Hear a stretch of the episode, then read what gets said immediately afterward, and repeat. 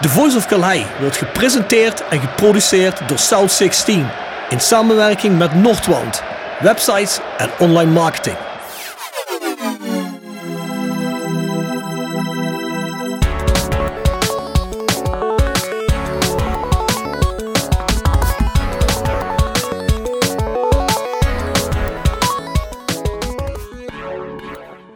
Goedenavond mannen.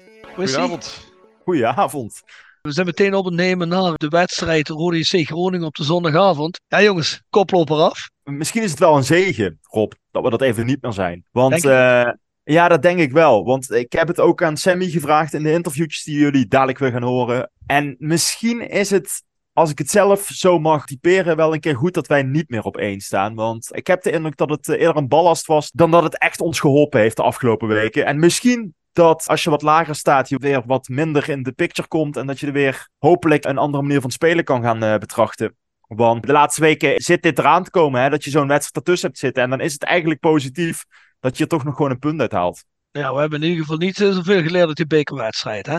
Want dat was Nee, toch een leermoment, had ik begrepen. Nou ja, nou goed, weet je, eh, ieder mens maakt fouten. En ik geef grif toe dat ik eh, ook een fout in mijn inschatting heb gemaakt, Rob. Dus Nee, ik denk niet dat jij een inschattingsfout hebt gemaakt. Ik denk eerder dat uh, Roda een inschattingsfout heeft gemaakt. Maar dat maakt verder niet zoveel uit. dat kan ook. Laten wij het eerst nog heel even naar een aantal andere punten gaan. De Voice of Calais van deze week. Ja, dat is de Voice Matchday deze week. Want we kiezen er elk jaar voor één of twee matchdays online te zetten. Gewoon op alle andere platforms zoals Spotify, Amazon en waar je ook met deze podcast luistert.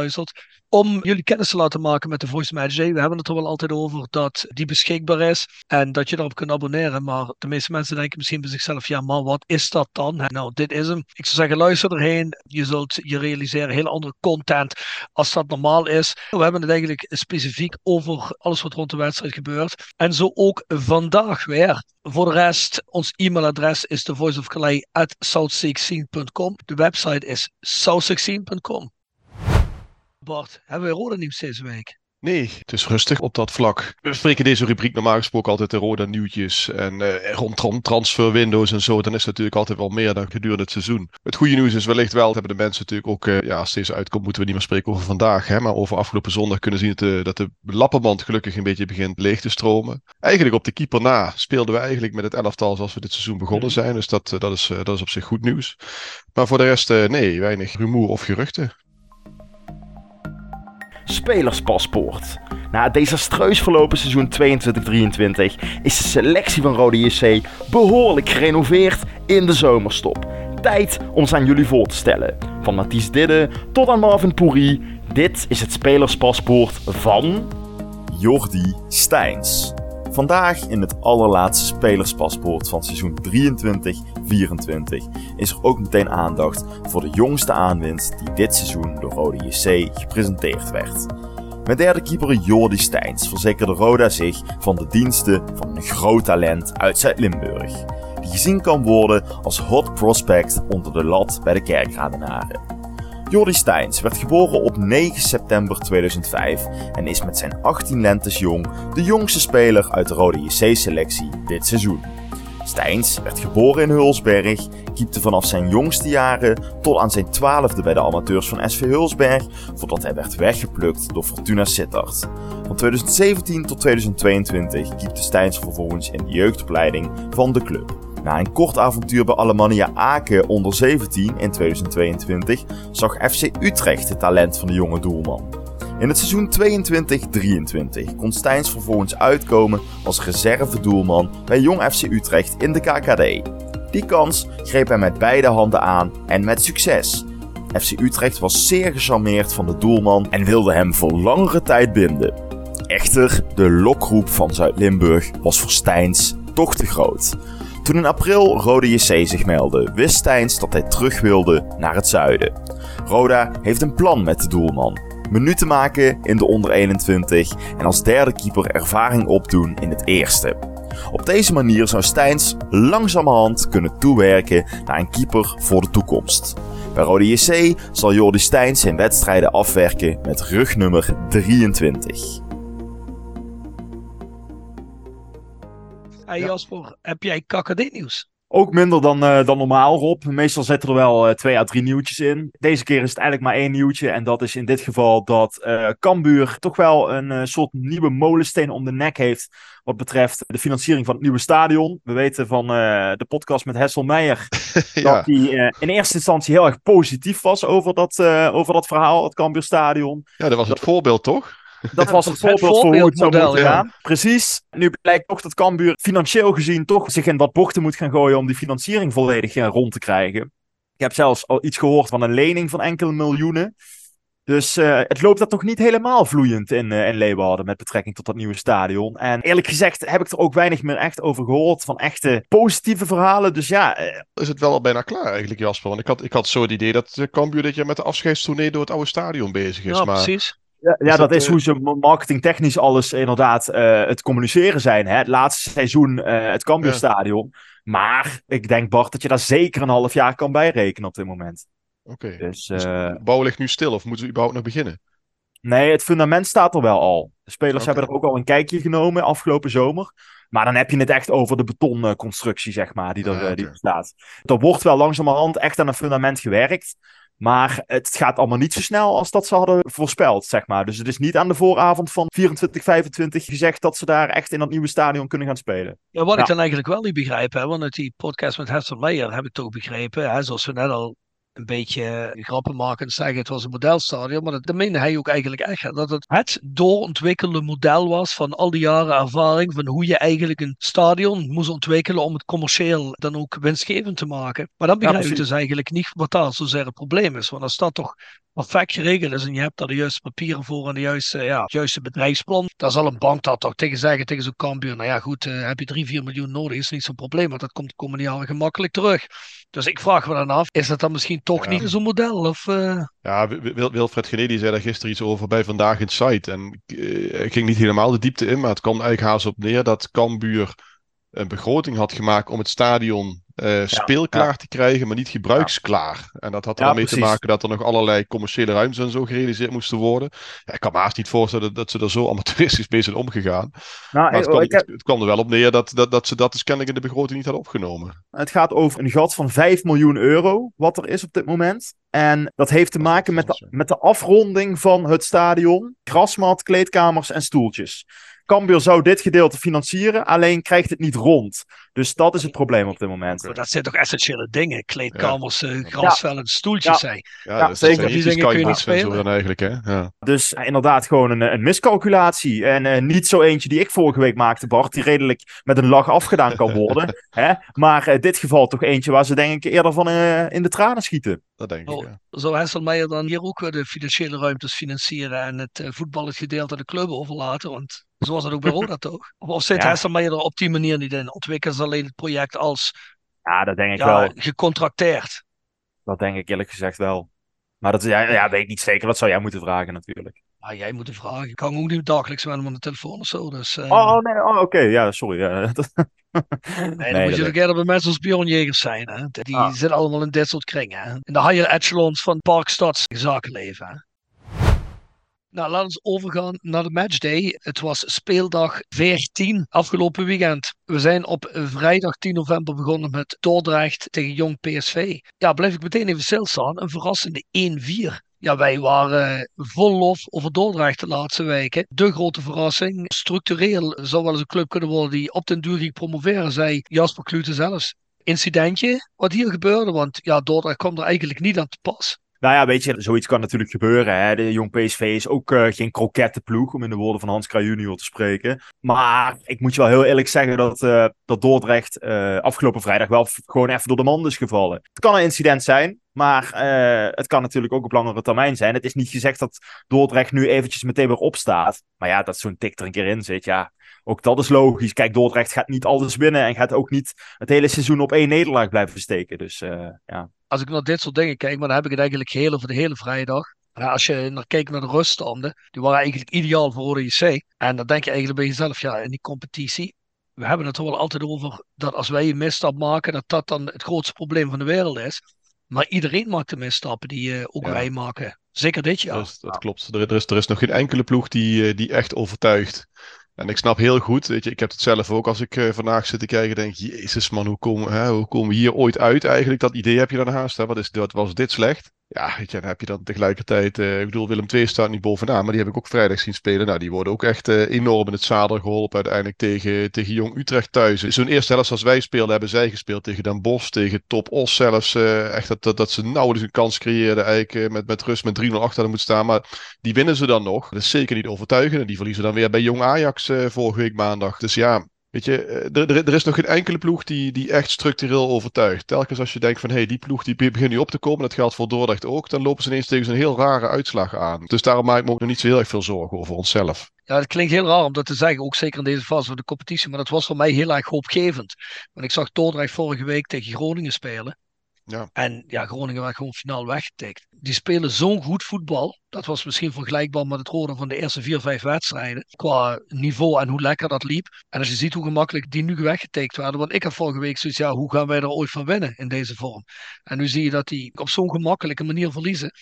Ja, dat, dat, geeft de burger natuurlijk wel hoop. Maar laten we heel even verder gaan. Eindhoven VVV 0-2. Natuurlijk ook geen ongunstige uitslag. Emmen tegen Den Bosch 1-0. Wil ik heel even bij stil blijven staan. Emmen, toch stiekem bijzonder sterke ploeg. Die daar achter al die andere ploegen, waar iedereen op let, zoals Den Haag, Willem II, Eindhoven. En wat dat wordt eigenlijk altijd gezien, oh dat zijn de concurrenten van ons nou in de eerste 12, 11 speelrondes. Is Emmen er toch uh, stiekem helemaal bijgekropen. En ook met heel goed voetbal, denk ik. Hè? Penalty was echt lachwekkend hoor, die ze meekregen. Ah, die was dat, uh... ja. ja, ja, goed, uiteindelijk wel 1-0 dan hè. Dus. Ja, hoewel, Bart, dat had wel echt meer kunnen worden hoor. Dat is, ja, dat mee is, eens. Dat klopt. Ja. Mee eens. Uh, ja. En weet je wat het bij Emmen gewoon is? Emmen ontwikkelt zich wederom, net zoals twee jaar geleden, heerlijk in dat seizoen. Die beginnen niet al te best. Maar op een gegeven moment beginnen die met wat puntjes te pakken. Dan gaan ze heel langzaam naar die top 5 toe. En je ziet nu dat ze, als ze in die top 5 zitten, dat nog steeds eigenlijk niemand echt op ze let. Dus die kunnen heel lekker in zo'n seizoen ontwikkelen.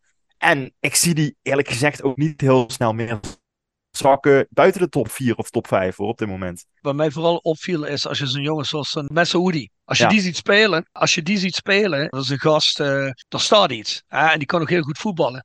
Ja. En dan ben ik toch wel blij dat we zo'n Congolo terug hebben op ons verdedigend middenveld. Als we tegen zo'n jongens moeten spelen. Want als zo'n Messaoudi tegen ons moet spelen zoals wij vorig seizoen opgesteld stonden met die jochies allemaal, dan weet je nu al dat dat niet goed gaat komen. En die gast die mist uh, ja, twee keer op een haar na een fantastische kans in die wedstrijd. Nou, ik, ik schat dat en we toch wel hoog in hoor. Ja, zeker. Maar die hebben, ja. naast, naast Messaoudi hebben ze nog Jari Vlak, wat een hele goede speler is. Hebben ze op de flank, hebben ze volgens mij nog Burnett als linksback staan. Hebben ze nog steeds die Rui Mendes, die twee jaar geleden de grote uitblinker van Emmen was. En die eigenlijk door een blessure vorig jaar in de Eredivisie amper heeft kunnen spelen. Maar die eigenlijk het niveau nog steeds ontstijgt van de KKD. Die komt nu weer terug. En je merkt meteen dat daar heel veel talent in zit. En bij Emmen, ja, ik vind het verrassend. Want uh, daar hebben ze eigenlijk toch niet zo heel veel spelers zijn ze daar kwijtgeraakt. En de spelers die ze zijn kwijtgeraakt, hebben ze goed kunnen op, opvullen. Dus um, ook een goede keeper. Ik vind Jan Hoekstra is wel beter geworden dan toen hij bij Roda speelde. Dus uh, ja, op dit moment vind ik Emmen samen met ADO de sterkste ploeg. Dan gaan we naar Jong AZ tegen Helmond, 2-1. NAC tegen Jong Ajax 1-1. Ja, we hebben al een paar keer gezegd. En NAC erg tegenvalt tegen deze competitie. Is hier ook alweer niet anders. Hè? Top Os tegen MVV 0-1. Telstar de Graafschap 1-2. Ook weer een tikje geflatteerd. Hè? Ik weet niet of jullie het gezien hebben. Telstar heeft toch wel de grootste pech van de wereld deze competitie. Hè? Wat uh, de arbitrage betreft. Hè? Ja, ja, nee, dat klopt. Misschien dat Bart hier nog iets over wil zeggen, omdat hij van de Mike Snoei fanclub is. Maar... nee, maar ja, kijk, ik, ik, ik, ik, moest daar wel vandaag aan denken eigenlijk. Weet je, zo'n zo, zo manier waarop de graafschap en ook Willem II uh, zo de laatste weken zo de punten pakken, weet je. Ja, ik weet niet hoe met jullie zit, maar dat hebben wij nou haast nooit. Echt een hemeltergend slechte wedstrijd spelen en die dan toch winnen. Weet je, en daar hoopte ik eigenlijk vandaag een beetje op. Dan denk ik van, nou weet je, dan, dan, dan, dan doen wij ook op die manier mee. Dan kunnen we ook gewoon zeggen van, ja, we hebben eens een keer echt punten. Ik vind nog steeds ook zelfs een gestolen punt vandaag, maar echt gewoon lekker sneaky met drie punten ontsnappen, dat, uh, dat overkomt ons nou niet. En ja, nee. weet je, Mike Snoei, daar ben ik inderdaad geen fan van, maar hij had, uh, had vrijdag absoluut meer verdiend, ja. Hebben we Willem 2 en Jong Utrecht, die tegen elkaar spelen. Willem 2 met 2-1 wint. Overigens staat ook een tikje geflatteerd. En dan hadden we nog twee wedstrijden over, die werden vandaag gespeeld. Dat was vroeger op de dag ADO tegen Cambuur, dat werd 1-2. En Rode C tegen Groningen, daar gaan we het zo meteen over hebben. Maar heel even nog over ADO Cambuur. Ja, een Cambuur dat zich toch de laatste weken oppakt, hè? en punten begint te sprokelen. Absoluut. Ja, ik heb hier natuurlijk gezegd over Henk de Jong dat ik de, een ongelooflijk vermoeiende meneer vind. daar, blijf, daar blijf ik ook achter staan. Maar ja, de, combina de, de, combinatie uh, Cambuur, uh, Henk de Jong, ja, die past wel. Die past in ieder geval zeker op dit moment. Uh, ja, wij moeten daar volgende week naartoe. Ik vind, het ergens ook, op de rit, hoor. ik vind het ergens ook wel echt mooi voor hem hoor. Want hij heeft natuurlijk niet de makkelijkste periode in zijn leven uit, uh, achter de rug. En met die kiesten in zijn hoofd. Hele vervelende blessure waar hij eigenlijk niks meer door kon. Ja, is gewoon, ja, je gunde hem. Ik gunde hem wel echt dat het goed, goed met hem gaat. Zeker, zeker. En, en het blijft ook wel een ploeg die nog steeds wel ook wel kwetsbaarheden heeft hoor. Dus je zou het nu misschien met de laatste weken, waarin ze toch echt wel ja, echt, echt indrukwekkend uh, spelen. Ja. Maar er is nog steeds een ploeg. Gaan eens kijken ook naar het aantal tegendoelpunten. Dat, uh, dat, ja, het lijkt nu al beter te staan. Ja. Maar dit, dit, ook, dit is ook dit is geen ploeg die dit uh, tot een lengte van, van, de, van de rest van het seizoen volhoudt. Daar geloof ik niks van. Nee, maar je krijgt het wel enorm moeilijk volgende week. Zeker dat denk weten. Ja, ja. ja. Ja, ja. onze vorm zeker. Ah, die, die jongens die hebben nu net een momentum hè, en wij hebben het zeker niet in dit moment. Dus ik denk dat het wel een hele moeilijke gaat worden. Ja. Want Jasper zei gisteren nog op de app, nou als je zeven punten had de volgende drie wedstrijden zit je er nog altijd goed bij. Dus tegen de volgende week moeten winnen en tegen ja. thuis moeten winnen. Jasper. Ja, ja. Ja. ja, dat heb je heel snel eh, berekend Rob. Ja, dat klopt. Ja, ik ben een rekenwonder. ja, beter dan mij, ja. jij, jij, deed dat niet zo goed. Nee, dat klopt. Nee. Zijn we volgende ehm, week eigenlijk dan? Met rekenen?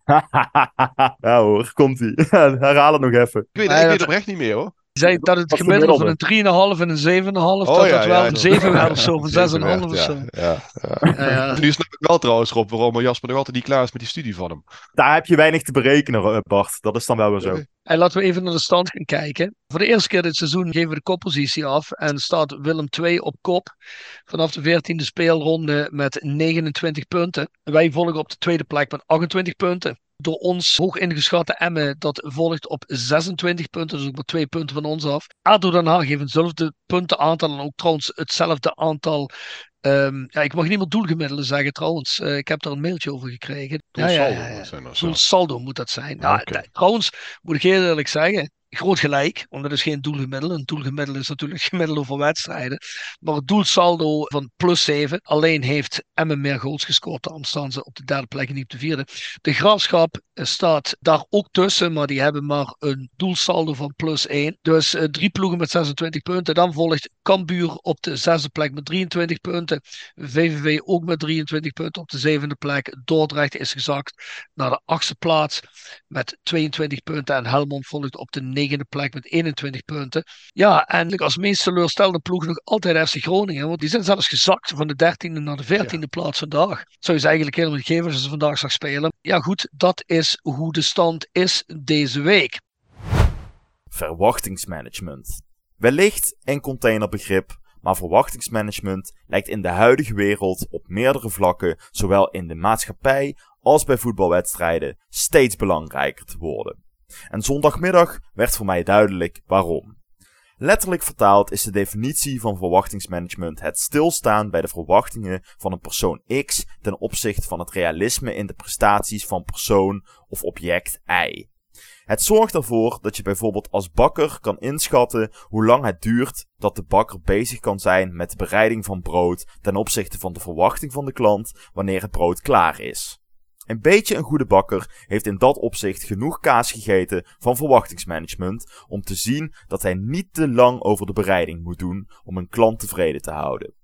Verwachtingsmanagement komt ook voor in een goede relatie. Rekening houden met elkaars verwachtingen en vervolgens hier zo goed als het kan op inspelen, waardoor de relatie in balans blijft. Zondagmiddag was wat mij betreft ook een soort schoolvoorbeeld van verwachtingsmanagement, maar dan in een voetbalstadion. Rode JC, een club die vorig seizoen nog 15e werd in de KKD, speelt een fantastische eerste periode en staat wekenlang aan kop. FC Groningen, de ploeg die voorafgaand aan het seizoen nog door iedereen getipt werd als kampioenskandidaat nummer 1, komt als teleurstellende nummer 13 naar Kerkrade. Voorafgaand aan het seizoen is de verwachting dan simpel dat Roda waarschijnlijk verliest. Maar door een reeks van 8, 9 goede wedstrijden en de mindere prestaties van FC Groningen draait deze verwachting 180 graden, waardoor iedereen ineens uitgaat van een overwinning van Roda JC. De wedstrijd vordert zoals we die allemaal gezien hebben. Roda heeft geen antwoord op het verrassend sterke spel van de FC en het eerste gemor is al merkbaar vanaf het moment dat Groningen ongeveer haar tweede kans kreeg. We praten dan over de 15e minuut.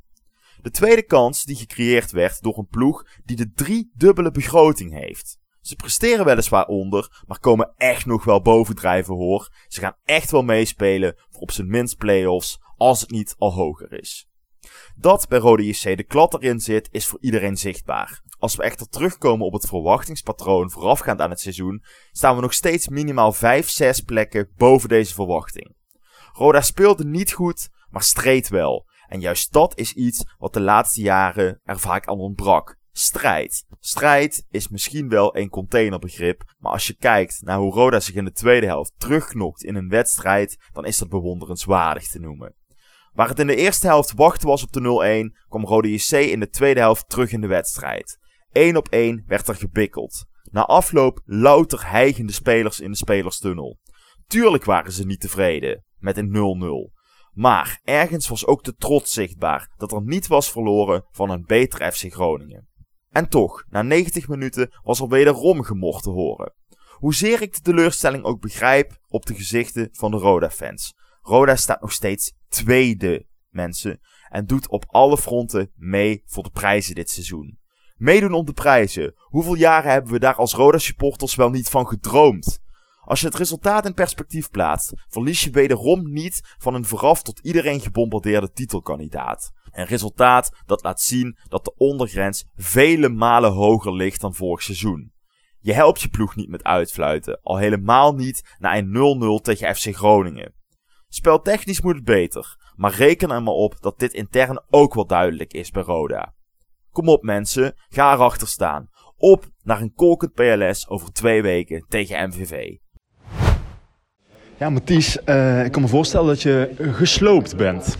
Ja, echt enorm gesloopt. Um, het was een zware match op een, op een zwaar veld. Uh, ook, ook, op een tegenstander die fysiek echt wel, wel, wel in orde is. En, uh, ja, het was echt wel een zware match, maar we hebben alles gegeven. En ja, goed, helaas was het, het maximum mogelijke 0-0.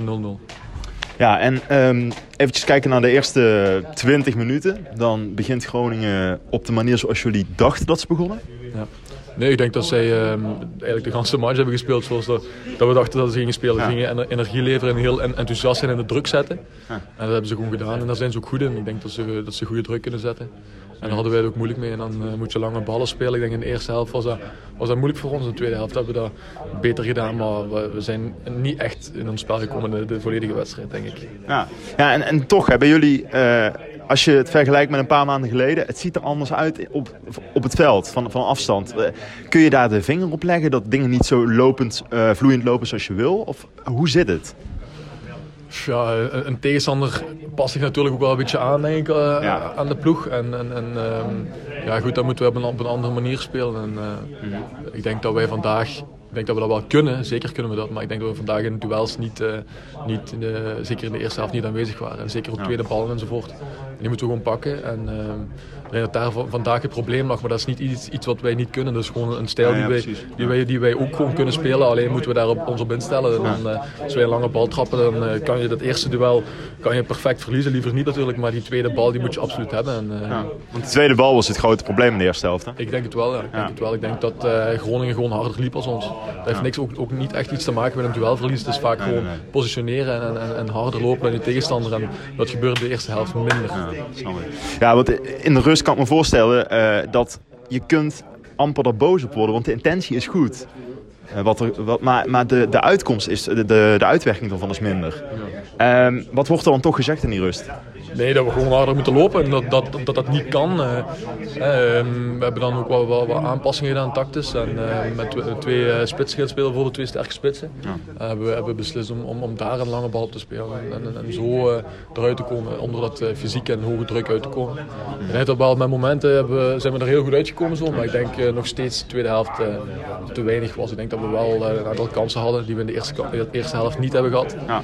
Maar ja, het was gewoon over de hele lijn denk ik te weinig vandaag. Ja. Zijn dit soort tegenstanders uh, die je nu hebt, uh, is, dat, is dat goed om die periode nu te hebben met sterke tegenstanders?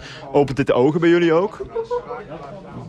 Opent de ogen, ik weet het niet. Um, Ja, ik wil gewoon altijd tegen, tegen, tegen de beste tegenstander spelen natuurlijk, maar uh, ja, je wil ook absoluut winnen. Hmm. En uh, als je dan een, een, tijdje hebt dat, dat je niet uh, wint, is natuurlijk wel zuur. Ja. Maar ik, ook zo vandaag in de kleedkamer, er, er, waren wel kansen, zeker de tweede helft. Dus ook op dat zicht blijven we zeker positief. We staan tweede en het is wat het is. En, ja, goed, we staan er weer nog goed voor. En, het is ook gewoon een hartstikke moeilijke competitie. Je ziet ook dat de rest het moeilijk heeft. Dus nee, we blijven zeker positief. toch wel. want is dat eigenlijk het, de grote winst van vandaag, dat je hem dan niet verliest? ja, goed, als je, als je niet kan scoren, moet je zorgen dat je er geen binnen krijgt. Ik denk dat we dat echt de tweede helft uh, top gedaan hebben. In de eerste helft wel uh, nog wat kansen hebben weggegeven. Maar de tweede helft hebben we echt uh, puik verdedigd. En dat denk ik dat we echt goed gedaan hebben. Ja.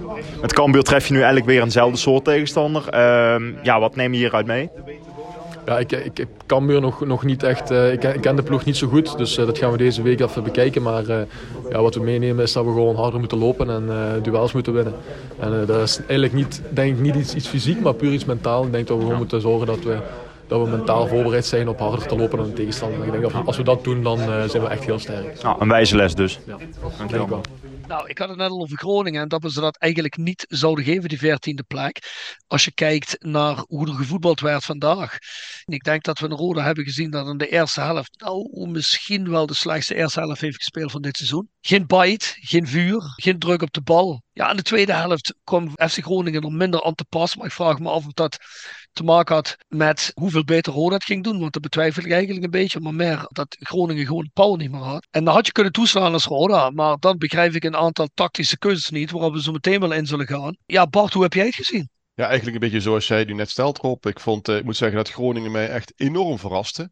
Ik heb ze dit seizoen best wel een paar keer gezien en toen vond ik ze absoluut niet zo goed als nu. Ik was zelf heel erg benieuwd eigenlijk naar hoe wij het zelf zouden gaan doen. Omdat we nu, wat ik net ook al zei, eigenlijk op de keeper na, we eigenlijk in de ideale formatie speelden. Hè. Dat heeft eigenlijk wekenlang heeft dat geduurd. Altijd was er wel iemand weg, Congolo weg, uh, Ulchik is er een tijdje niet bij geweest, uh, Bijleveld een tijdje geblesseerd geweest, Schmid ziek geweest. Ja, weet je, dan, dan ben je toch benieuwd van, kunnen we dan ook weer aanknopen eigenlijk bij het voetbal uit de eerste periode? Nou, dat, dat, dat was uh, echt absoluut niet het geval. Um, ik denk dat we echt blij mogen zijn dat we bij rust niet met, met drie, vier doelpunten verschil achter stonden. Dat had echt, uh, had, had echt zomaar gekund. Ja, en ik, ik vind het nu op dit moment vind ik het nog, nog best wel lastig om echt te duiden van, lag dat nou echt aan de kracht van Groningen of lag dat aan de zwakte van Roda? Ik ben genegen om, om een beetje van beide uh, te zien. Ik wil ook zeker niet de, de credits bij Groningen weghalen, want ik denk dat die echt goed speelde, fel. Roda had Roda goed bestudeerd. En Roda had daar gewoon geen antwoord op. Was wederom slordig ook aan de bal. Waar we de bal eigenlijk iedere keer weer vrij snel kwijt. Spelers die, uh, die daar niet de goede keuzes maakten. Vaak probeerden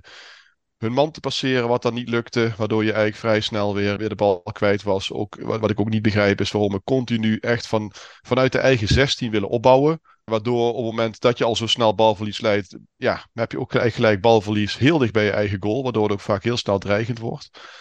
Maar ja, daar zullen we misschien zo nog even iets dieper op ingaan. Want anders dan, dan analyseer ik gelijk alles in één keer door. Maar we hebben ook niet echt een ander plan op dat moment. Uh, hè, je kunt, we hebben ook niet de spelers om even een lange bal te gaan spelen ja, ook, ook, ook in het veld uh, hebben we niet, nog niet echt spelers die dan uh, iets, iets, iets anders gaan proberen. We blijven eigenlijk bestaande recepten, blijven eigenlijk tot aan de rust uh, proberen. Ja, en Groningen profiteren daar zeker de helft, eerst, eerst zelf optimaal van.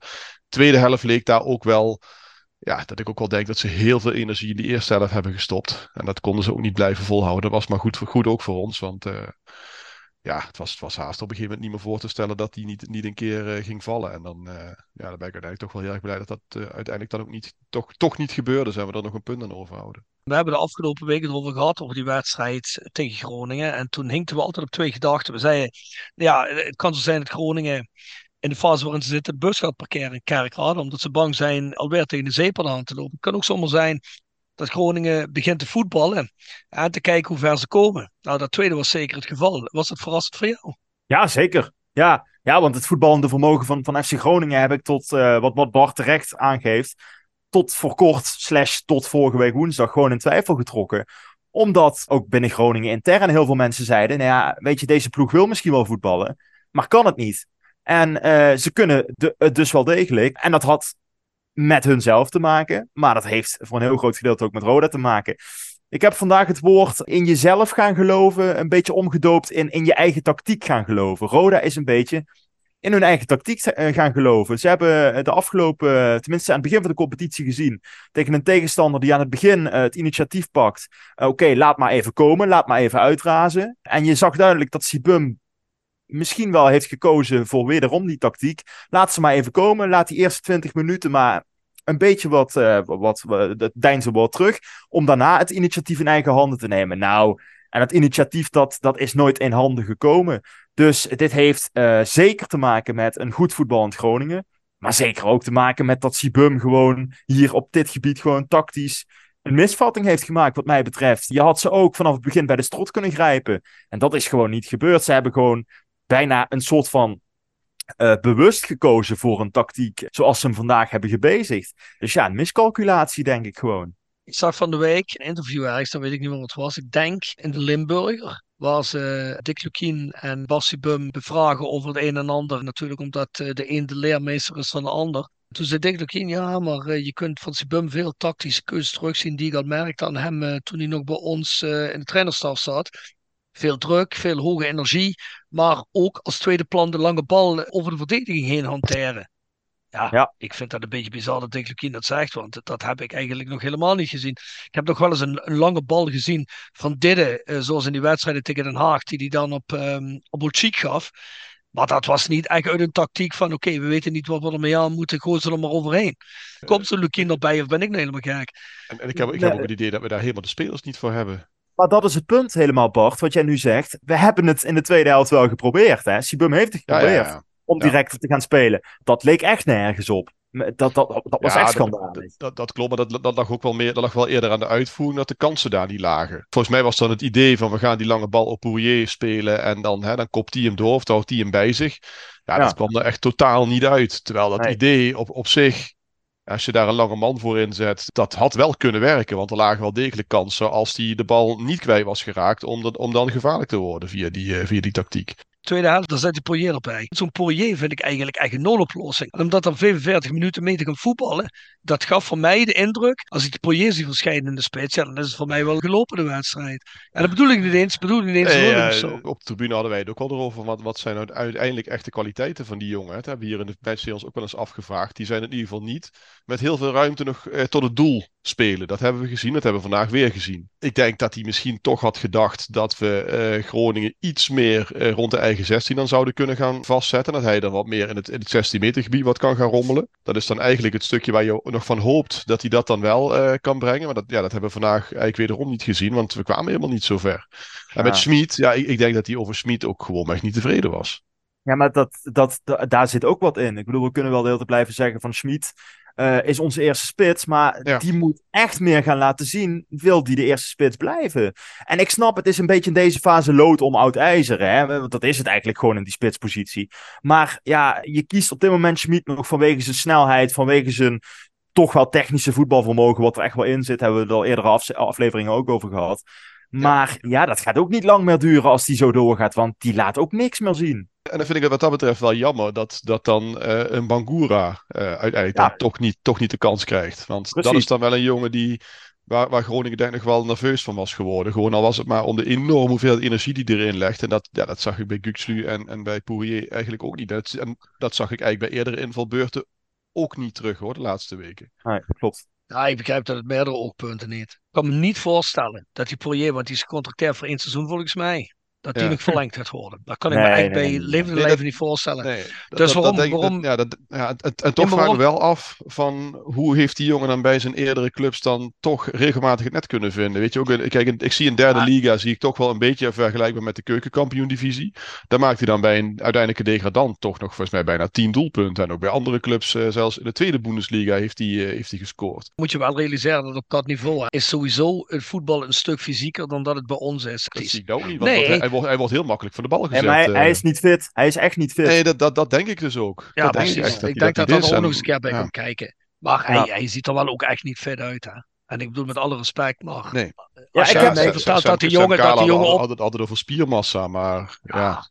Ze hebben verteld dat die jongen op gewicht is, daar geloof ik geen ene, geen ene fuck van. nee. Nou, Nee, maar ook op de manier waarop hij die bal doorspelen op een gegeven moment naar de vleugel toe, waardoor die hele aanval, de hele kant eruit wordt gehaald. Ik heb hem gewoon niks goed zien doen, al twee, drie wedstrijden niet. En ik gun het hem van harte, dat meen ik echt serieus. Ik, Ja, ik wil, iedereen, Ja. ik wil elk, dat elke speler voor Roda een perfecte wedstrijd speelt, maar geef dan die Bangura eens een keer een kans. Die Ja. heeft toch een doelpunt gemaakt al. En die heeft toch al een paar keer eh, ja, dat hij bij, bij gevaarlijke momenten betrokken was. Dus nou, ik, Plus wat, die, plus wat die jongen heeft, wat, wat Ja. we vandaag nodig hadden gehad.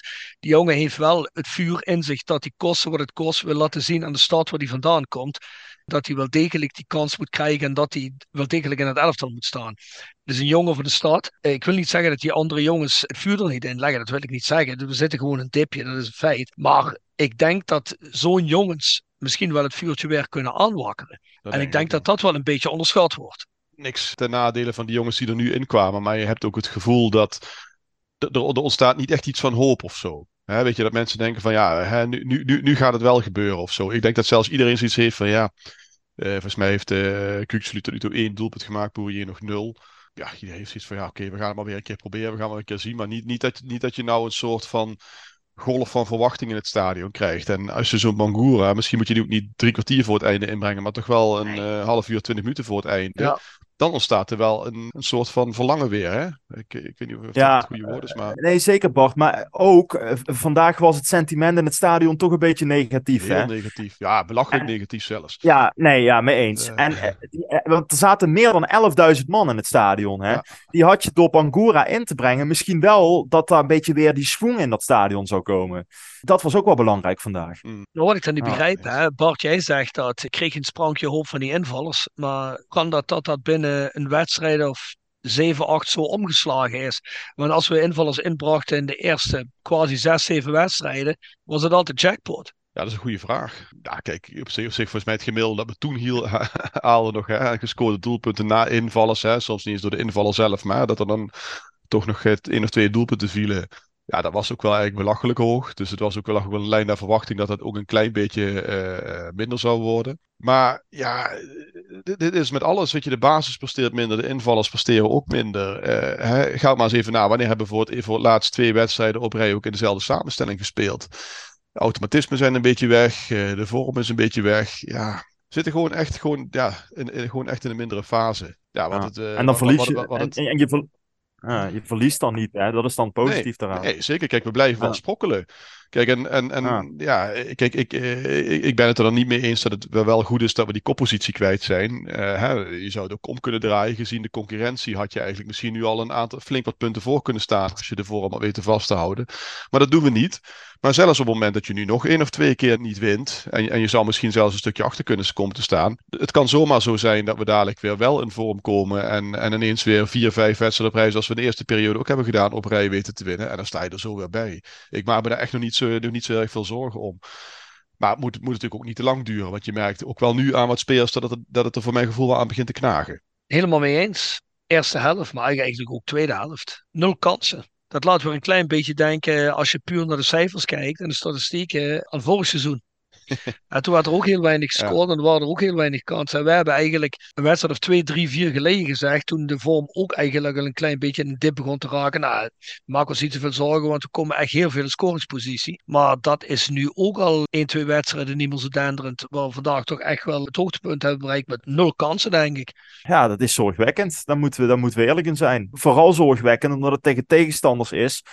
Waar we aan het begin van zeiden, zo, nu kunnen we eens kijken hoe ver we staan. Nou ja, klaarblijkelijk tegen deze tegenstanders nog niet goed genoeg om heel veel kansen te creëren. En dat is voor een bepaalde verwachting die, die we toch hadden na een goede eh, eerste fase, is dat wel zorgwekkend. Ja, ben ik het mee eens. Daar hebben we het er net al over. Hè. Groningen, dat eigenlijk, ja, gezien de wedstrijden die ze tot nu gespeeld hebben, eigenlijk verrassend goed voor de dag kwam in die eerste helft. Eigenlijk best wel een godswonder dat wij niet al met eh 2-3-0 achter stonden. Drie keer volgens mij de doelpaal of de doellat geraakt. Ook een aantal keer dat Luke Hamers goed ingreep. Dus we mogen wel van geluk spreken. De tweede helft zag er desalniettemin toch een beetje anders uit. Ik bedoel, we zijn nog wel redelijk negatief geweest over Roda.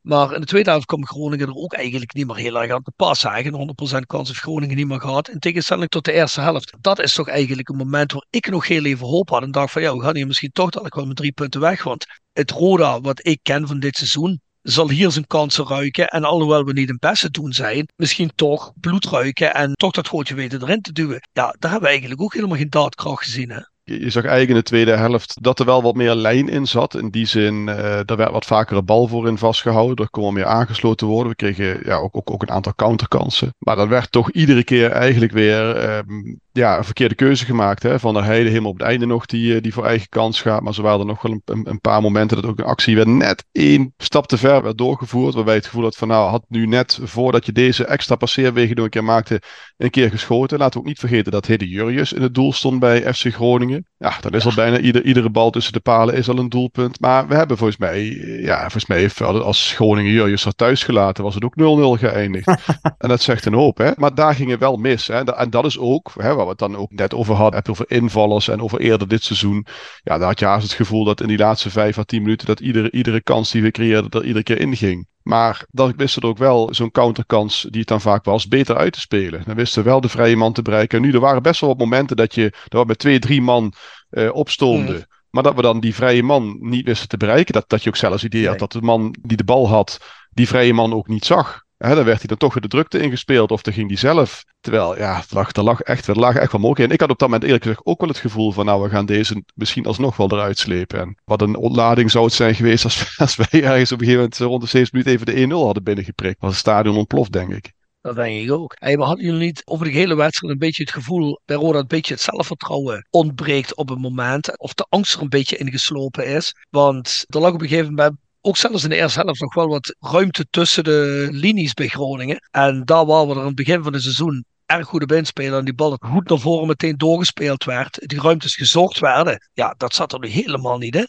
ongestructureerde counters waren het eigenlijk, hè, waar Roda probeerde gevaarlijk uit te worden. Ik kan me nog herinneren, één run van Ulchik, eigenlijk alleen maar doorrent, eigen konto en, en, en op een gegeven moment wordt gestopt. Een paar ballen naar voren waarin uh, Poirier met zijn techniek te wensen overlaat, of Gutslu met zijn techniek te wensen overlaat. Verder heb ik een schot gezien van Van der Heijden wat geblokt werd, wat ik nog eigenlijk een van de gevaarlijkste pogingen vond ja, dan, dan is het eigenlijk al ver klaar. Er zat geen lijn in het aanvalspel. Wat ik vooral gemist heb, is de durf om directer te spelen. De bal minder voor te spelen. Ik vond het ook een klein beetje meer, niet helemaal, maar een klein beetje meer waarop het spel van vorig jaar lijken. Wat toch eerder voor de keuze naar achter toe wordt gemaakt als naar voren toe.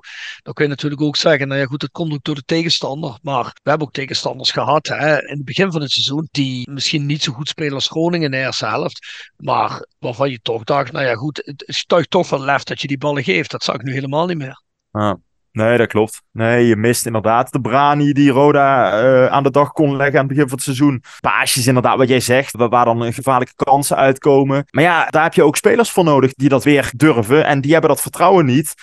En bepaalde spelers die dat aan het begin van het seizoen deden, die zijn nu compleet onzichtbaar. Ik noem maar weer eens een keer de naam Penja Zauner. Want uh, hoe lang kan die man nog in de basis blijven? Dat slaat echt helemaal nergens meer op. Maar dat is een van die voetballers ook waarbij ik bedoelde. Die continu probeert om door zijn man heen te gaan. Kijk, wat, waar, waar Penja Zauner goed in is, dat is het geven van een, een, een, een voorzet. Hè, of als die één op één met de keeper staat. En waar die goed in is, is het aannemen van een bal.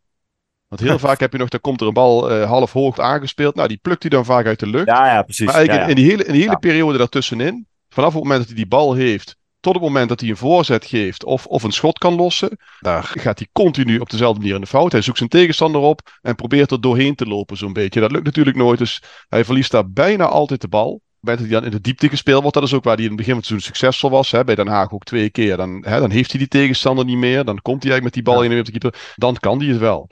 Maar ik snap er niks van. Maar dit is misschien ook wel de Penjat Sauna die we in de voorbereiding hebben gezien. Hè, waardoor Rode ook wat twijfels had. Dat is eigenlijk de Penjat Sauna die we vanaf speelronde 3 zo'n beetje uh, al, al, al continu zien. En hij is er uh, vaak doorheen geslopen. Uh, doordat dan net de, de, de, de speler die misschien op zijn positie zou worden ingezet, dan net geblesseerd was of zo. Of ik geloof dat Van der Heijden best wel een paar keer aan de deur heeft geklopt. Of Daniels, maar of dan moest Daniels dan voor, ja, voor invallen. Ja, dat klopt. En het punt is natuurlijk. En dan scoort hij weer een keertje. Ja, en het punt is, bij, bij die Daniels is het ook elke keer als hij dan de kans krijgt om het wat langer te laten zien, klopt. hij die ook niet. Komt, hè? komt ook niet echt heel erg overtuigend uit, nee. nee. precies. Dat zijn, die zijn eigenlijk vrij inwisselbaar voor elkaar, toch wel. Ja. Over uh, kansengrijpen gesproken, Roman Possema vandaag. Ja, natuurlijk breedschalig uitgevlogen door het publiek na zijn commentaar in de pers de laatste weken. Uh, hij zal ons wel even laten zien hoe goed voetbal eruit zag. Hij wilde vooral tegen ons winnen, omdat hij zich onrechtmatig behandeld voelde hier laatste seizoen. Terwijl intern toch wel bekend was dat hij een van de rotte appels was in deze selectie. Die het ook niet echt zien vandaag, hè? Nee, ja, zijn ploegnoten hebben ons wel laten zien hoe er gevoetbald moet worden, maar Romano Postema niet. nee, uh, ik, Nee. Vind het eigenlijk ook, ik vind het ook helemaal ook geen onderwerp waardig, Romano Postema. Een heel zielig figuur. Een nog zieligere reactie eh, na afloop van de wedstrijd op eh, RTV Noord, wat eh, op Twitter al gedeeld is overal, of sorry, op X gedeeld is. Begint hij een beetje te lachen dat hij zegt, eh, ja, klopt, ik heb Mathies Didde een kaart aangenaaid, ja. Ja, dat klopt, heb ik gedaan, ja. En ja, dat ze fluiten, ja, ik, ik, vind, het, ik vind het eigenlijk wel lekker dat ze fluiten. Joh, weet je, donder lekker op, next, huppakee, klaar. Bij ESPN was hij nog wel iets meer timide, maar hij heeft, hij heeft dit er toch ook geen kaart aangenaaid. Dit die, die, eh, die maakte toch werkelijk waar een, een, een- ja, Ja, op, eh, op, op op- zich, op zich zo'n heerlijke sliding eigenlijk, waarbij je inderdaad een volkomen terecht hele kaart. Hij nam hem heerlijk mee. Dus, eh, Ja, nou heerlijk mee, ja. Het kwam erop neer dat ze het hadden over ja, eruit fluiten. En eh, ja, daar werd dit een beetje door getriggerd. Daarom wilde dit hem extra vegen of zo. Maar goed, Ja. weet je, die jongen daar hebben we eigenlijk al in, in die twee minuten dat we hem besproken hebben, vind ik veel te veel tijd aan besteed. Gewoon een heel zielig ja, ja, maar figuur. je, want als, je, eh, je weet waarom die jongen dat zegt, hè?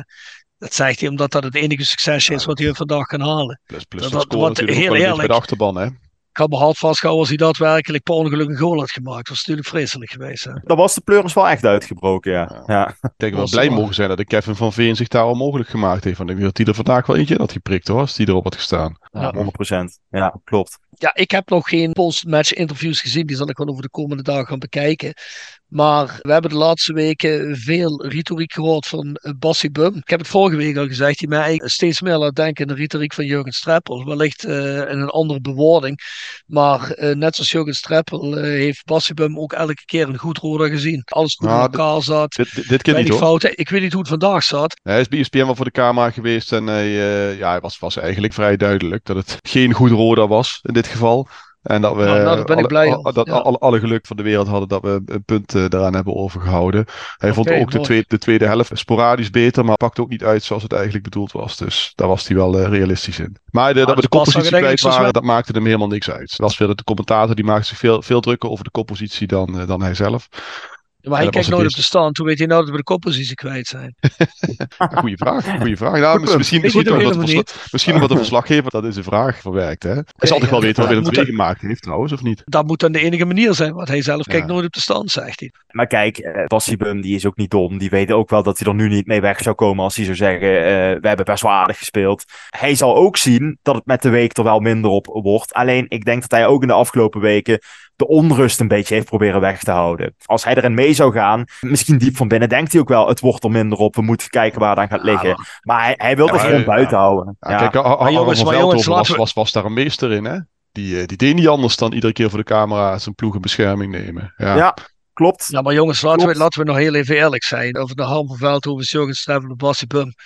Het is nog allemaal eh, amateurpsychologie. Je hoeft je spelers niet af te vallen, maar je kunt wel gewoon zeggen, nou, het gaat niet zoals wij het willen. Het, het loopt gewoon niet. Je zit op een moment in een dipje. Volgens mij is de weg naar herstel voor iedereen, of dat nou emotioneel, sportief of wat dan ook maar is, is altijd het eerst even accepteren dat je in een situatie zit om daaruit verder te komen. Dat zullen ze intern wel doen.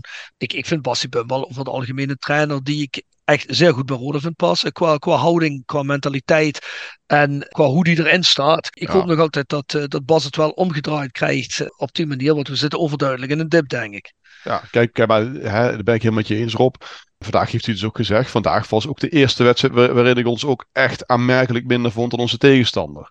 Ja. Kijk, andere wedstrijden waren gezien de eerste periode weliswaar een stuk minder. Maar creëerden we toch eigenlijk altijd wel een eh, heel behoorlijk aantal kansen. Ook bij VVV, ook tegen Willem II en ook eh, wat was, voor, eh, tegen Eindhoven uiteindelijk ook. Hebben we ook best nog wel een paar mogelijkheden gehad. Nu hadden we die echt niet. En nu benoemt hij het ook wel. Hè? Nu zegt hij ook eigenlijk wel dat het slecht is. Dat hij naar buiten toe communiceert dat hij, dat, dat hij een goed Roda heeft gezien. Dat, dat geloof ik allemaal wel. Het gaat er met name nu eigenlijk om. Nu komt eigenlijk de lakmoesproef. Nu moet hij eigenlijk achter de schermen dan weliswaar gaan laten zien dat hij dit rode weer op de rit gaat krijgen. En dat wil ik helemaal niet dramatisch doen, want we staan, staan nog steeds gewoon tweede. We hebben toch weer gewoon een punt gehaald. Eh, Maar wat je ook zegt, het is echt wel een flinke hap minder. En we moeten nu naar Cambuur, hè, dat wordt ook hartstikke moeilijk. Nu moeten we gaan zien of die erin slaagt om tegenstanders die ons op een bepaalde manier gaan bespelen, of die daarin slaagt om daar een plan B tegenover te zetten. Hè? Dat we ons er onderuit weten te voetballen. Dat we naar een volgende fase toe gaan eigenlijk. Dat we meer weten te beheersen dan eigenlijk een ja, bepaalde eh, basisconcept. Dat tegenstanders nu toch langzamerhand wel door lijken te hebben. Ik denk eigenlijk wel dat in veel van die wedstrijden, ook tegen Willem II bijvoorbeeld, dat je ineens een plan B had nodig gehad. En bent tot op een zekere hoogte. Maar wat je wel had nodig gehad, wedstrijden eh, zoals tegen Willem II en vandaag, is als jij hetzelfde vuur als ik de wedstrijd tegen de graafschap had gehad, als dezelfde manier om elke bal vecht, zoveel druk op de bal zet zoals je dat in de eerste periode hebt gedaan, en iets minder slordig speelt, dan denk ik dat je zo vier, vijf kansen creëert waar je er misschien eentje uit maakt. En dat heb ik vandaag niet gezien. En dat heeft volgens mij te maken met een stukje zelfvertrouwen. En ik geloof wel dat die jongens allemaal willen. Ik denk dat het een stukje zelfvertrouwen is en dat ze daarom misschien op de een of andere manier toch minder hard gaan. Ik weet het niet. Maar alleen als je dat doet, en volgens mij heeft dat niks te maken zozeer met tactiek. Dat zou je in andere wedstrijden wel moeten hebben. Maar ik denk vandaag, zeker in de tweede helft, en ook zeker in zo'n wedstrijd als tegen Willem II, ja, had je dat eigenlijk best wel over de streep kunnen trekken en uh, had je meer punten kunnen hebben. Kijk, vorige week tegen Eindhoven vond ik het gewoon tactisch zwak. Als je met 50 meter in je rug speelt en je weet gewoon dat er jongens zijn die, die kei snel zijn en je dat niet kunt bijbenen, ja, dan valt gewoon die eerste goal van Eindhoven. Dan valt gewoon die penalty. Dat vind ik gewoon tactisch slecht. Maar vandaag, als we dat rode hadden gezien, maar bijvoorbeeld tegen de graafschap hebben gezien, wat voor elk centimeter voort, dan geloof ik niet dat we nul kans hadden gecreëerd. Dan geloof ik best wel dat we iets gecreëerd hadden. Ja. hey, mannen, uh, punt voor de wedstrijd. Jasper. Oh, een vijf. Ja, Jasper, Jasper die waagt zich niet meer in eerste en tweede helft natuurlijk. Uh. Nee, nee, nee, nee, nee, nee, dat gaan we niet meer doen natuurlijk. nee, nee kijk wel uit Bart. Nee, Het is nu ook nog op, op Spotify, dus moet ik helemaal uitkijken voor me maken hoor. Ja, ja. Eerste helft nee. vier, tweede helft en acht, gemiddelde vijf. Mijn zoon in groep 4 is, is niet met dit soort uh, sommetjes bezig hoor. Dus. ja, ja, ja, ja, nee, nee, nee, dankjewel. Ja, is goed. Ja. Ja. je weet dat journalisten ook moeten kunnen rekenen. Je moet wel die invoice schrijven, dat moet ook kloppen. Ja, maar ik moet gewoon even een snel cursus bij Adem Mos leren rekenen, weet je. 21 is 5, hè? 21 is 5, precies. ja, ja, ja. ja. Maar ik vond dit wel echt, echt onvoldoende. Dat is eigenlijk voor het eerst dit seizoen. Um, maar ik, ja, ook, ook, ook een, een, een 4,5 of een 5 zit ik aan te denken. Omdat ik eigenlijk, daar moeten we misschien nog heel veel kort bij stilstaan, de reactie van het publiek echt niet begreep. Want uh, het was niet goed. Maar ik kan absoluut niet zeggen dat er geen inzet was of zo. Het was gewoon niet goed. Het is wel dan enorm teleur hoe deze ploeg, die eigenlijk toch ons uh, ook heel veel plezier heeft gebracht dit jaar, hoe die uh, eigenlijk uh, zowel bij rust als na de wedstrijd behoorlijk uitgefloten werd. Nou ja, misschien zit er toch een gedeelte, en het is misschien een vies woord, maar dat weet ik misschien wel zeker. een gedeelte bij dit publiek is gewoon successupporters. Uh, maar Jasper, alleen... da, nee, maar Jasper, ja, nee. nee. maar Jasper, dan moet ik je onderbreken. Nee, luister, dan moet ik je onderbreken. Ja. En dan ga ik iets zeggen wat ik niet denk, wat je denkt wat ik ga zeggen. Maar een successporter ja. gaat zich niet de moeite doen om te fluiten. Een successporter denkt gewoon, ja, ik volg het niks. Ja, of ik de niks hier komt, dat weet ik niet. Maar een successporter gaat zich niet de moeite doen om dat te fluiten. Dat is gewoon het vaste publiek wat fluit. Dat weet ik 100% zeker. Ja. Ik bedoel, als, als, als ik gewoon ga kijken, ik zeg maar iets, uh, noem iets bizars, naar Kölner Haie voor ijshockey. En ik kom daar omdat ik weet dat ze lekker bovenin spelen van de Duitse Eerste Hockeyliga.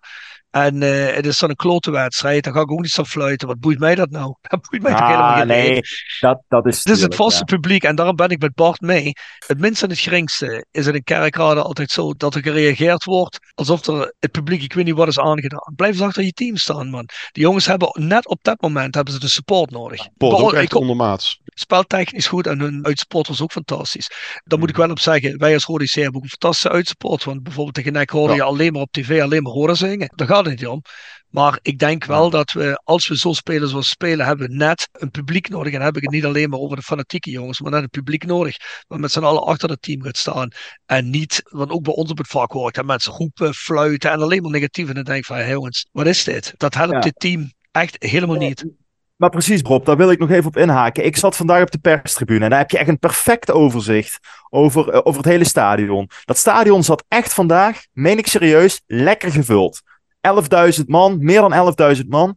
De ideale kans om van het PLS, waar we het zo vaak over hebben, dat moet eens een keer een fort worden, om daar eindelijk eens een klein, klein beetje iets van een fort van te maken.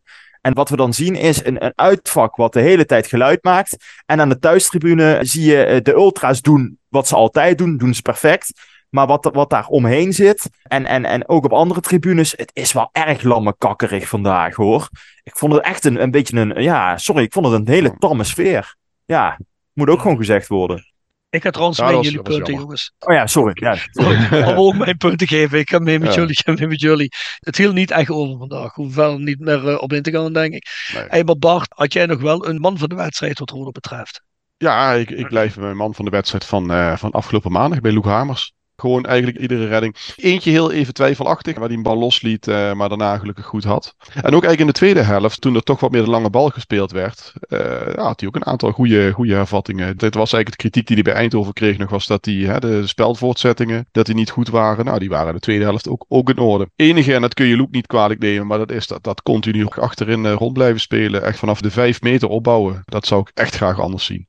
Samuel Waisa, de enige die zich qua veldspelers aan de Malaise iets wat uh, wist te onttrekken. Ook in de tweede helft, in de eerste helft ook de enige die een mogelijkheid heeft gecreëerd. En in de tweede helft heeft hij zich echt het schompens gelopen, die jongen. En uh, van, van links naar rechts, van voor naar achter, keihard gewerkt. Bij hem was het ook niet gelukkig vandaag.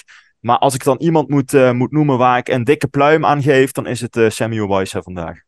Zag er een foto voorbij komen van hem op het veld na afloop. Dat hij zijn shirt over zijn hoofd heeft. Dan zie je echt die jongen, die, uh, die was er echt ja, van. Uh, die, ja, ja, die heeft, ja die, dat die zei hij ook na afloop. Uh, hij had zijn uh, kilometer teller had hij nog om.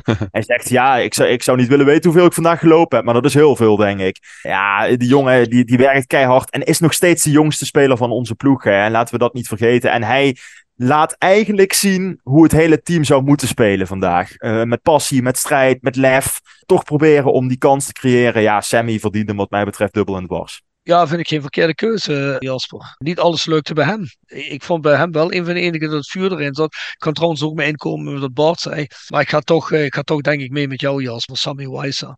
En ik vind dat inderdaad bijzonder knap als jij als zo'n jonge jongen toch dat niveau van Roda nog een klein beetje weet op te trekken. Het enige wat ik wel kan zeggen, ik vind dat dit zich wel een klein beetje weer hersteld heeft van de bizarre vorm van de laatste twee, drie weken. Dat zag er allemaal weer een beetje solider uit. En ik denk wel dat we, je kunt zeggen, dankzij onder verdediging het uh, op 0 0 is gebleven. Hoe zagen jullie dat? De verdediging toch schuldig eraan dat we in die positie raakten? Of eerder goed dat die verdediging er stond, dat ze toch het op 0-0 hebben weten te houden? Ah, ik, ik, ik neig eerder naar het tweede op. Want ik vond dat de verdediging gek genoeg. Want we hebben inderdaad heel veel kansen tegengekregen in de eerste helft. Maar ik vind dat de verdediging zich eigenlijk best wel een beetje hersteld heeft vandaag. Van de dat afgelopen week. Dat vind ik dan misschien wel bemoedigend. Want de, de kansen die Groningen creëerde, kwam vooral uit het onvermogen om voorin uh, wat te creëren. En op het middenveld om daar de stootkracht te vinden. En dat lag niet aan de verdediging. En mannen, heel even conclusie trekken. Zijn we blij dat we periode titel 1 hebben? Als we nu naar de laatste vier, vijf weken kijken. Ja, je moet met elke periodetitel blij zijn. Dus zeker. Nee, dat uh, begrijp ik wel. Maar misschien een stukje meer als dat je normaal was geweest. Ja, dat wel. Toen was het meer van oké, en nu door. En nu is het oké, we hebben gelukkig de periode. Ja, klopt. Ja, hoewel ik nog steeds erbij blijf. Kijk, dit was heel erg slecht. Maar ik, ik heb verder nog geen enkele ploeg gezien die constant is. Dus ik, ik, ik zou nog steeds niet weten waarom wij uh, niet bij de eerste twee zouden kunnen eindigen. En dat blijft voor mij nog wel steeds het doel vind altijd fantastisch hoe Bart dat relativeert, maar toch altijd weer hoop geeft. je hebt altijd conjunctuur in een seizoen, zoals dat heet. Je hebt altijd fases waarin het makkelijker en minder makkelijk komt. Ja, en heb je we zitten nu overduidelijk in zo'n mindere fase. Maar als we dadelijk weer ineens een paar wedstrijden gaan winnen, dan gaan alle opportunisten weer roepen van we gaan makkelijk uh, eerste of tweede worden. En probeer altijd iets meer uit te zoomen. Gewoon te kijken van hoe gaat nou zo'n heel seizoen. En dat is altijd heel duidelijk dat op het moment dat je net een klote wedstrijd hebt gespeeld of net hebt verloren, dan, dan kun je je eigenlijk niet voorstellen dat het ooit nog goed komt. En toch komt het meestal wel, mhm. wel redelijk goed. Of er komen in ieder geval weer momenten dat het wel goed komt.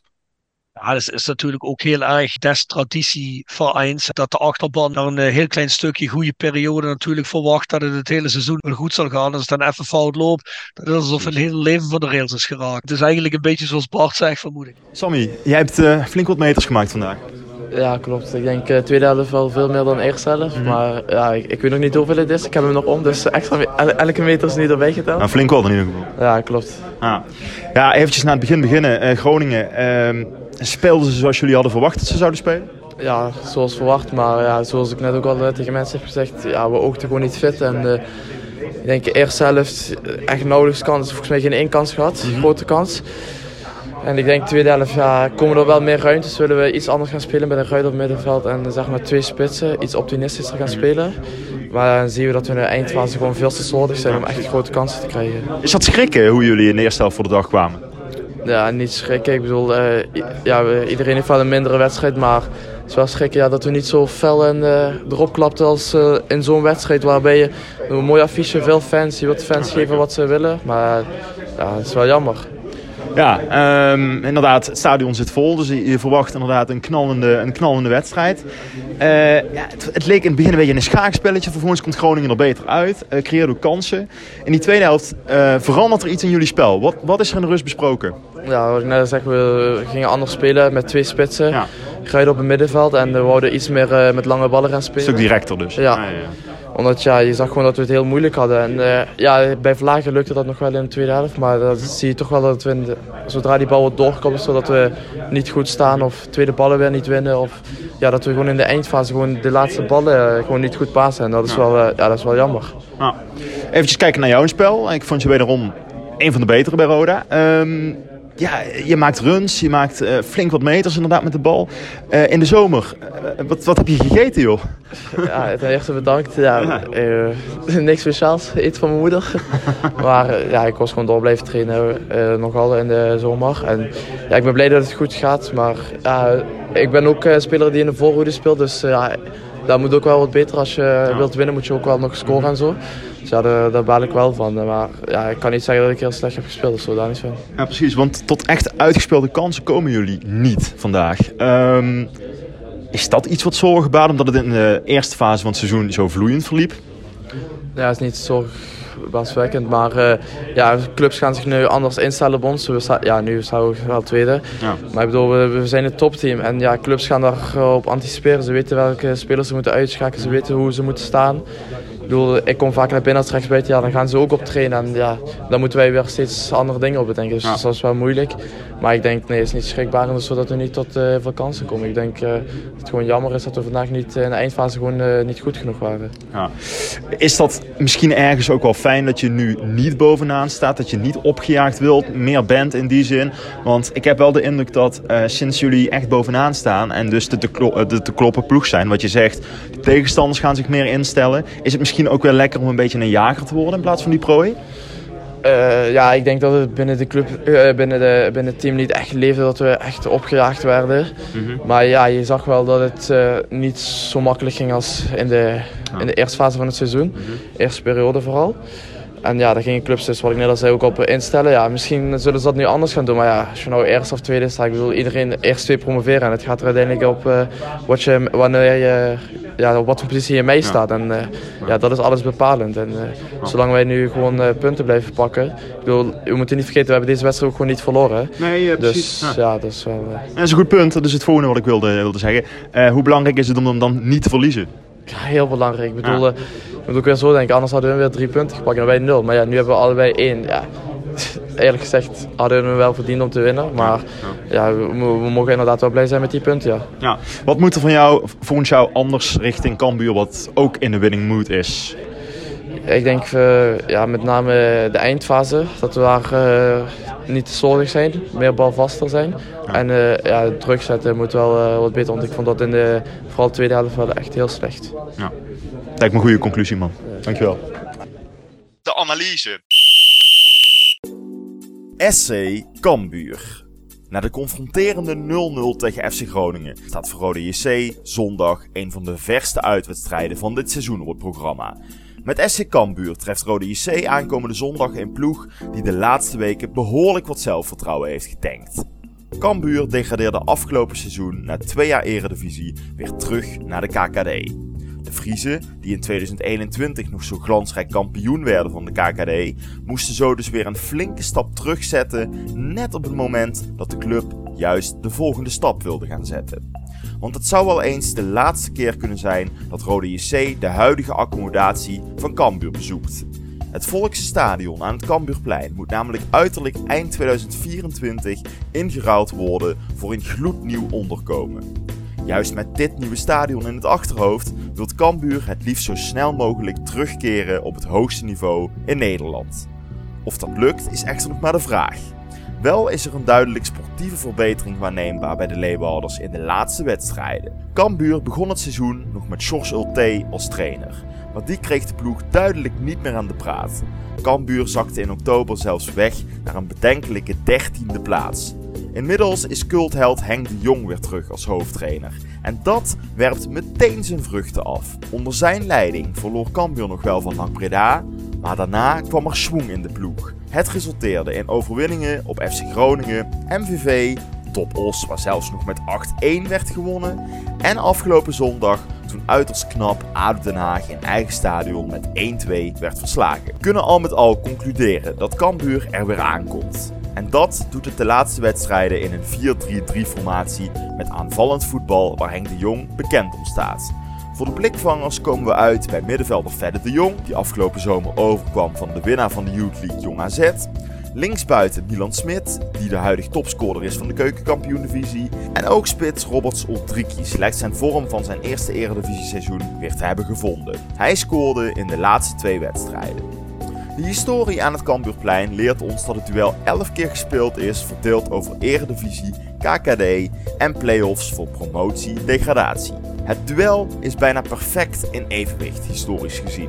Drie keer was er winst voor Rode JC, drie keer was er winst voor Cambuur Leeuwarden en vijf keer eindigde het duel in een gelijkspel. De meest in het oog springende wedstrijd is natuurlijk die van 3 juni 2009, toen Cambuur en Rode JC de tegens kruisten voor een plek in de eredivisie. Hoewel Cambuur uiterst dicht bij promotie leek, kon Rode JC tot drie keer toe de rug rechten. De 2-2 over 120 minuten resulteerde in een zenuwslopende penaltyreeks, waardoor Rode JC uiteindelijk behouden bleef voor de eredivisie. De doelpunten kwamen op naam van Boldizal Bodor en Anouar Hadouir, maar de echte helderrol was voor doelman Bram Castro, die twee penalties wist te keren. De wedstrijd staat gepland voor zondagmiddag half drie in het Cambuurstadion.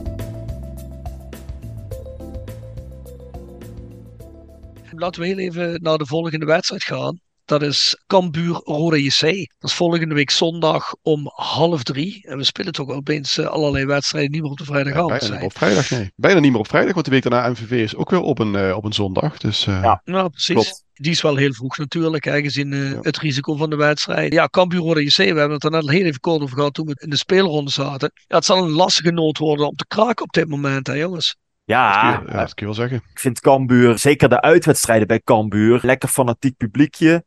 Uh, sfeertje staat altijd goed. En Cambuur is ook in thuiswedstrijden, heb ik altijd wel de indruk, toch wel wat sterker als uit. Dat is wel echt een fort, vind ik, het Cambuurstadion. Dus meegenomen met het feit dat ze vandaag en de ADO gewonnen hebben, wat denk ik een boost gaat geven. En ook het feit dat, dat Cambuur toch uh, onder de Jong weer een beetje aan een revival bezig is. Kan ik me bijna niet voorstellen dat, uh, dat Roda daar in deze vorm gaat winnen. Uh, zelfs niet in de meest positieve mindset die ik kan creëren deze week. Denk ik dat we daar heel blij mogen zijn als we een gelijkspelletje uit het vuur slepen. 1-1 zeg ik dan. Het is wel mooi hoe Jasper net zegt van dat Cambuur thuis veel sterker is dan uit. En dat zeggen we dan dat ze net met 1-8 bij Os hebben gewonnen. En bij ADO Den Haag die 12 wedstrijden ongeslagen waren hebben gewonnen. Dat het belooft wat. Jasper is er goed hè? Ja, ja, ja, maar, ik, maar ja. Ik, ik, ik, ben normaal best optimistisch ook voor wedstrijden. Maar ik zie hem dit, dit keer eigenlijk ook niet echt. Ja, ze hebben ongelooflijk veel scorend vermogen. Nog even los van die 8 goals die ze hebben gemaakt. Maar ze hebben al 36 keer gescoord. Dus zelfs we, als je die achter even aftrekt, hebben ze meer gescoord dan, uh, dan wij. Tegelijkertijd hebben ze ook 28 tegendoelpunten. Uh, dus ze zijn volgens mij op, uh, op Jong Ajax na de meest gepasseerde defensie. Dus daar liggen wel wat kansen. Ja, ik, ik, ik denk niet dat wij daar net zo weinig kansen gaan creëren als tegen Groningen. Ik vond die verdediging van Groningen die vond ik echt wel, uh, echt, echt wel behoorlijk goed. Maar ik denk dat we daar niet eens een puntje gaan pakken. Ik denk dat we ja, met, met 3-1 of zo gaan verliezen daar, helaas. Nee, dat, dat, dat verwacht ik eigenlijk ook. Maar ik zeg dan toch nog een punt. Als een soort van hoop eigenlijk meer. Maar ja, realistisch gezien ga je daar denk ik inderdaad verliezen, ja. Ja, goed. Nou, Rob, maak jij er even nog wat positiefs van? Ja, precies. Hey. nou, ik denk dat we 0-5 gaan winnen. Ja. nee, maar ja, Bart, het is wel uh, juist wat jij zegt. Hè. Ze hebben veel scorend vermogen. Maar ze geven ook achter veel weg. is eigenlijk tegenovergesteld van wat we met Eindhoven hebben gezien. Die scoorde ja. moeilijk, maar die, uh, die gaf ook heel weinig weg. En dat is wel precies de wedstrijd die we ook gezien hebben in Eindhoven. Moeilijk, stug.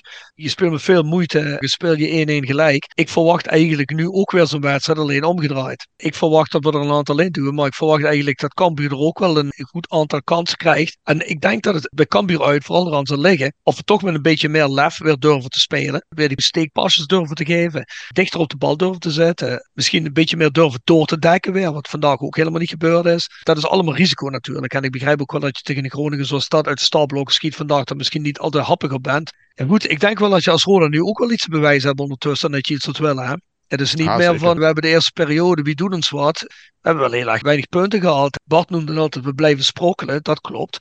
Maar we hebben een riante, tussen aanhalingstekens, koppositie weggegeven door gewoon punten te laten liggen. De een zal argumenteren, ja, dat waren punten die kun je verliezen, zoals een VVV uit, een Eindhoven uit, et cetera. Maar er zitten ook wedstrijden tussen, zoals een Willem II thuis. Eigenlijk vandaag, waar je helemaal niet thuis geeft, wat er meer in had gezegd. Dus ik denk dat je wel iets te bewijzen hebt. Dus ik denk dat eh, in een veel mindere mate als. Maar ik denk Roda een klein beetje dat gaat doen wat Groningen vandaag bij ons gedaan heeft. Misschien toch het staalblokken schiet, verzorgd voetbal proberen te spelen. Onder druk proberen te zetten, zo snel mogelijk een eerste goal te maken.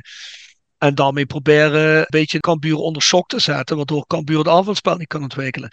Want Bassibum zal ook weten dat hun verdediger niet zo sterk is. Hoe sneller je er één, wellicht twee induwt, kan de wedstrijd ook zomaar voorbij zijn. Dat is wat Jasper zegt, als dat publiek er daarachter gaat staan. Hij is ook een, een, wel een kleine, maar toch ook een traditieclub. Ja, dan kan het ook wel een beetje spoken worden. En dat is toch het laatste wat je wil. Dus ja, goed, eh, laat ik dan positieve draaiing geven. Ik zeg 1-2 voor ODC.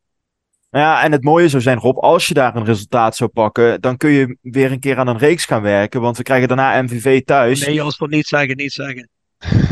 nee, nee. De, koning van de jinx. ja, oh ja, inderdaad. Nee, ja, laat maar. Knip maar eruit, knip maar eruit. Ik, ik, ik, het, laatste wat ik, het laatste wat ik wil, omdat jij zegt we gaan een reeks ontwikkelen, dat we dan tegen MVV gaan verliezen, omdat jij dat hebt gezegd. Oh, ja. Ik zeg niks meer. Ik zeg, ik zeg niks meer, Nee sorry maar, nee, maar, nee, maar serieus, ik denk ook een reeks, een reeks. Ik denk dat het voor Roda op het moment belangrijk is om de vorm terug te vinden zoals we die in de eerste acht, negen wedstrijden hadden. En ik denk dat we nu die in een reeks moeten denken, dat we nu eraan moeten denken een behoorlijke wedstrijd neer te zetten. En Bassi Bum, Ja. Weet ik 100% zeker, zal het intern waarschijnlijk ook zo zeggen. We hebben niet echt een rode wedstrijd gezien die overtuigend is. We hebben geen wedstrijden meer gezien zoals die eerste 6, 7. Wij zien dat Roda dat in zich heeft. De tegenstanders gaan zich op je instellen. Ja, klopt allemaal. Dan is het niet meer ja, de tegenstander zegt, oh, wat overkomt ons nou? Maar ik denk wel dat Bassibum nu wel even wil laten zien dat het toch ook niet alleen maar een eendagsvlieg, CQ in één periodevlieg was. En daar is Ja. Cambuur eigenlijk het ideale moment voor. Het is uit. Het is een tegenstander die iedereen op het moment hoog inschat. Dus als je het hier kunt laten zien, ja, dan weerleg je toch wel een en ander, denk ik. Helemaal mee Ik denk dat, denk dat Bas ons negatief vindt. Nou, ik heb Ja. daar een positieve draai aan gegeven. Wat wil je dan Ja, dat is waar. Ons, Nou, hè, Jasper en mij. Laten we er dan nog een afsluitende, concluderende positieve noot aan geven. In deze periode waarin we meerdere zwaardere tegenstanders hebben, zou het fantastisch zijn als je ze allemaal zou blijven winnen. Maar in die periode heb je er tot nu toe ook maar één verloren. Weet je, als de ondergrens is een gelijkspel tegen Groningen, ondanks een hele slechte wedstrijd, dan, zijn- dan, dan kunnen we gewoon best wel blij zijn. Kom op. Ja. Ja, Ik ben ook echt wel optimistisch hoor. Nee, ja daarom. daarom. Dus, eh, Ja. Bjorn Jegers, gisteren op de app zegt hij, ik was dan eerst, er is niks aan de hand. En eh, vandaag op de app eh, had ik het gevoel alsof de wereld onderging. ja, Ja, precies. Ja, lekker. Ja, ja, precies. Ik had hetzelfde. Ja, ja. Ja, eh, Jurgen en Mo, hè, Is die het algemeen? even niet, hè? Ja, dat kan ik wel begrijpen. Ik heb het na zo'n wedstrijd ook even niet. Maar kijk, dit zijn gewoon onze therapiesessies. En die hebben Mo Ja, en eh, Bjorn natuurlijk niet. Hè? Spoorboekje. Speelronde 15, deel 1. Aankomend weekend staat er weer een Interland weekend op het programma. Waar het Nederlands elftal EK-deelname wil verzekeren met wedstrijden tegen Ierland en Gibraltar. Spelen 8 KKD-clubs gewoon door in een uitgesmeerd programma. We beginnen vrijdagavond om kwart voor zeven in Den Bosch voor FC Den Bosch tegen Telstar.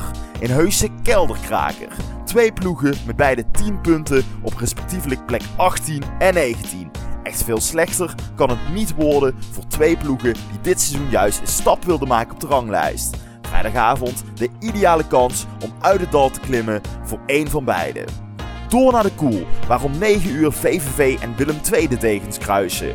En dat is het duel tussen de nummer 7 en de nieuwe koploper van de KKD.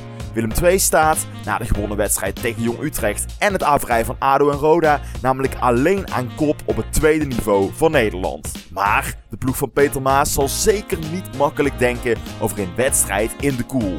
VVV is een stugge tegenstander en snoepte in de koel al punten af van Rode JC, NAC Breda en De Graafschap. Op zondagmiddag half drie staat het treffen tussen Cambuur en Rode JC op de planning om om kwart voor vijf de speelronde af te sluiten met MVV in eigen stadion tegen NAC Breda. De Maastrichtenaren weten weer wat winnen is, na de 0-1 zege bij Top Os, terwijl NAC Breda juist wederom een teleurstellend resultaat boekte. Thuis tegen Jong Ajax kwam de ploeg niet verder dan een teleurstellende 1-1. Het zorgt ervoor dat MVV NAC een soort 6 punten wedstrijd is om weer aansluiting te vinden bij de play-offs. De resterende wedstrijden van speelronde 15 worden afgewerkt op maandag 27 november om 8 uur. We gaan er een eind aan breien. Is nog iets wat iemand van jullie kwijt wil over dit weekend? Nou, dat ik hoop dat we gewoon met z'n allen heel erg trots zijn op die die fase die we als club nu doormaken zijn. We zijn van eh, plek 15 gekomen in mei. We staan nu nog steeds op plek 2. Jongens, eh, kijk soms ook even terug. Hè. Zeker op momenten zoals een 0-0 tegen Groningen thuis. Kijk ook terug naar waar je vandaan komt. En ben daar trots op. Ben trots dat die club weer leeft. Ben trots dat je weer wedstrijden hebt die ertoe doen. En als je dat een beetje gaat beseffen, dan denk ik ook dat, dat de positieve energie weer terug kan komen. En dat gaat echt bijdragen aan uh, positieve resultaten in de toekomst. Al dus Jasper Hartelband. ja, ik ga niet door een spiegel heen lopen, Rob. Uh, dat, uh... niet van nou heel. Hey, ja, goed mannen. Ja, dat was hem dan weer. De matchday voor deze week. Ja, volgende week zijn we terug met Cambuur Rode JC. Wij zijn allemaal te beluisteren op petjeaf.com schuine streep naar voren de Voice of Calais. Daar kun je trouwens ook een jaarabonnementje pakken. Daar zit een reeks van extras bij, waaronder een Voice of Calais shirt wat je krijgt na een half jaar. We hebben hier trouwens ook zo nu dan wel eens gasten in zitten. Als je zegt, ik vind het interessant, nou ja goed, dan ga je erin abonneren. Maar in ieder geval, wij zijn volgende week op petjeaf.com schuine streep naar voren de Voice of Calais terug met de nabespreking van Cambuur Rode JC en natuurlijk de voorbeschouwing op Rode JC MVV. Zou zeggen mannen, nog een prettige avond en tot volgende week. Tot volgende week. Tot volgende.